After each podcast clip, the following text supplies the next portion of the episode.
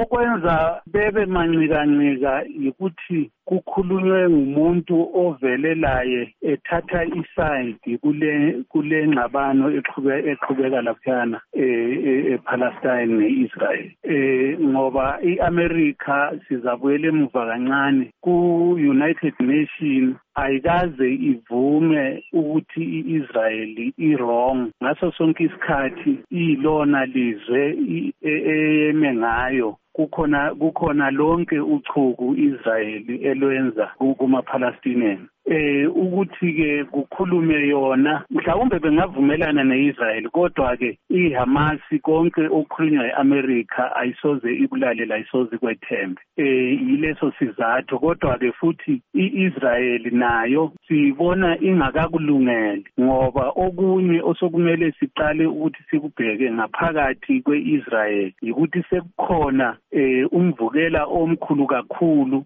osukhomba ekuthenini iqembu elibusayo eliphethwe uBenjamin Netanyahu eh abantu sebefuna nje ukuthi ngabe lishiya phansi ngabe kubizwa ukhetho eh olukhanyayo ukuthi lolo khetho kungenzeka ukuthi bengabe besalunqoba. Manje nxa ukhangela ubona ungani bagcina bevumelana yini ukuthi kufakwe phansi izikhali okwesikhatshana eh impi yonke babugandi ayikaze iphele eh kuliwa. Impi yonke ukuphela kwayo noma ngabe kade kuliwa kangakanani na kuyahanja kuyoxoxiswana ekugcineni lokho siza kubona kwenzeka. Kodwa ngaphambi kokubana kwenzeke kuba nezinto eziningi laba abaxabeneyo abathanda ukuzibhekisisa. Ngoba uma sekusiwa xoxiswana akekho ofuna ukuthi eh abonakale eh engasuye umanqoba. Wonke umuntu empini ufuna ukuthi ekupheleni kwempi abe